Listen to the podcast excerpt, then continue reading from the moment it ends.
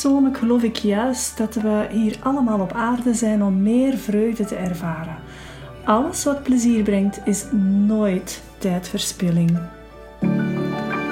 Welkom, ik ben Annemie en je luistert naar Amami Moments. Een podcast over liefde vinden, duurzame relaties en het vrouwelijk ondernemerschap. Fijn dat jij weer luistert. Vorige aflevering had ik het over intimiteit. Het is te zeggen, ik heb het eh, een, een tipje van de sluier gelicht, want er valt natuurlijk veel meer over te vertellen. Als je die aflevering beluisterd hebt, dan weet je dat ik een aantal workshops geef die diepgang in je relatie brengen. Eentje gaat over intimiteit en vandaag wil ik een volgend onderwerp wat uitdiepen, namelijk seksuele energie. Zoals je misschien al weet, volg ik een Tantra Teacher Training. En tantra wordt vaak gezien als lessen in seks en dan vooral de standjes die een ongelofelijke boost aan je relatie moeten geven. Maar niets is minder waar. Ja, tantra heeft ook met seks te maken, maar met zoveel meer. Tantra gaat over hoe je tot diepere verbinding kan komen met jezelf en je partner, door onder meer ook het lichaam aan te wenden en zo ook je seksuele energie. Het gaat erover dat je in staat bent om je eigen lichaam als goddelijk te zien, om zo te evolueren naar diepe verbinding met jezelf en je partner. Het gaat in de eerste plaats over thuiskomen bij jezelf als belichaamde liefde. Het gaat over mannelijke en vrouwelijke energie in balans, in balans brengen, Peter. Over overgave en over kwetsbaarheid, over ruimte geven aan je partner, maar ook over ruimte innemen, over durven zijn en over ja, verwondering, zou ik het ook wel kunnen noemen, naar jezelf toe en naar je partner toe.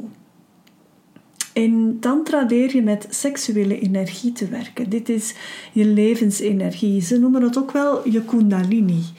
En die kundalini die wordt voorgesteld als een slang die opgerold ligt in je bekken onderaan je ruggengraat.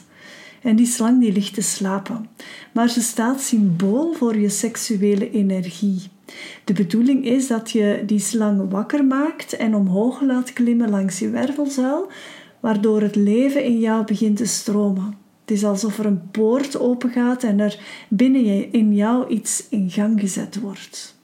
En zo voelt het ook. Als je leert om die energie wakker te maken, die kundalini wakker te maken, dan voel je het echt stromen en dan voel je iets opengaan in jezelf. Het is alsof je het letterlijk het leven door je voelt stromen. Het gekke is dat door bewuster te worden, door te vertragen, dat die seksuele energie net sterker wakker gemaakt wordt.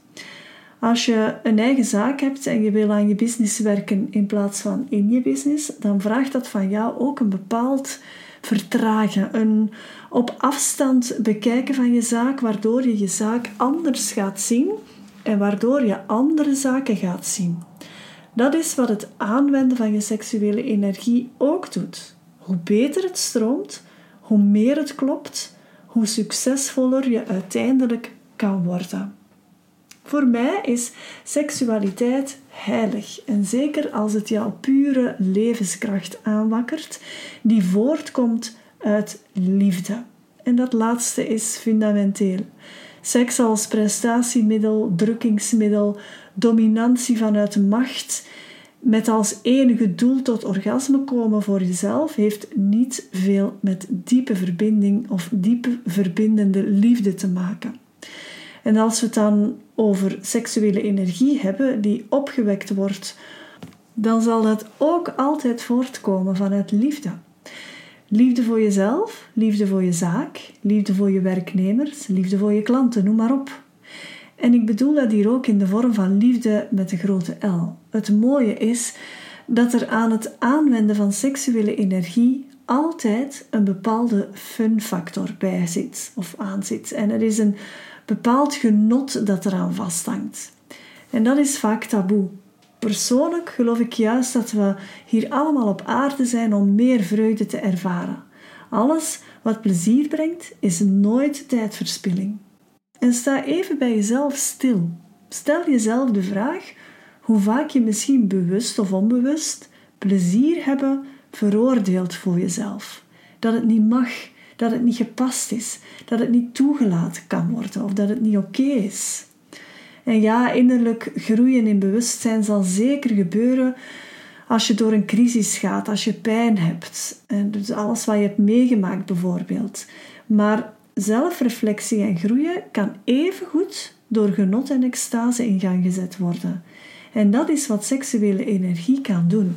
We zijn dat, we zijn dat alleen niet gewoon om daar zo over na te denken of om daar op die manier bij stil te staan. In de workshop zal ik ook ingaan op hoe je die kundalini kan aanwakkeren en hoe je die seksuele energie kan aanwenden om tot zelfreflectie te komen, maar dus ook om je levensenergie en je creativiteit te helpen wakker maken, waardoor je zowel op persoonlijk vlak als in je zaak fundamentele doorbraken kan ervaren die nodig zijn om meer succes te ervaren. En daarvoor moet je niet eens in een relatie zijn. Dit werkt ook perfect als je single bent. Het is trouwens zo dat ik ervan overtuigd ben dat als je in staat bent om jouw seksuele energie of jouw kundalini wakker te maken, nog voor je in een relatie bent, dat het als je dan in een relatie bent, één, veel gemakkelijker zal gaan. En ten tweede, ja, dat je dan een diepere verbinding en een veel groter uh, gevoel van veiligheid bij jezelf zal creëren, van waaruit seksualiteit ontstaat, van waaruit um, de liefde bedrijven of die seksuele energie aanwenden, uh, bijna een evidentie wordt. Als jij interesse hebt in deze reeks workshops, weet dat er een vroegboekkorting is tot 15 augustus check dan zeker de link bij deze podcast. Je kan zowel inschrijven voor alle vier de workshops als uh, per workshop.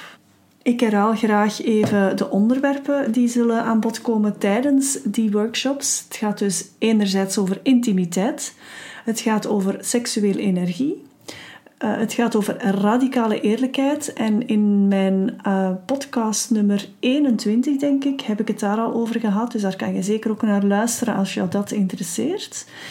En dan volgende week ga ik ook nog even uh, dieper in op grenzen. Want ook daar gaat een van de workshops over. Grenzen zijn zo belangrijk in een relatie, enerzijds natuurlijk, maar ook voor jezelf. Um, grenzen zetten om ja, naar een diepgang te gaan uh, in de relatie met jezelf, in de relatie met anderen, ook met je klanten, met uh, familie, met vrienden, noem maar op.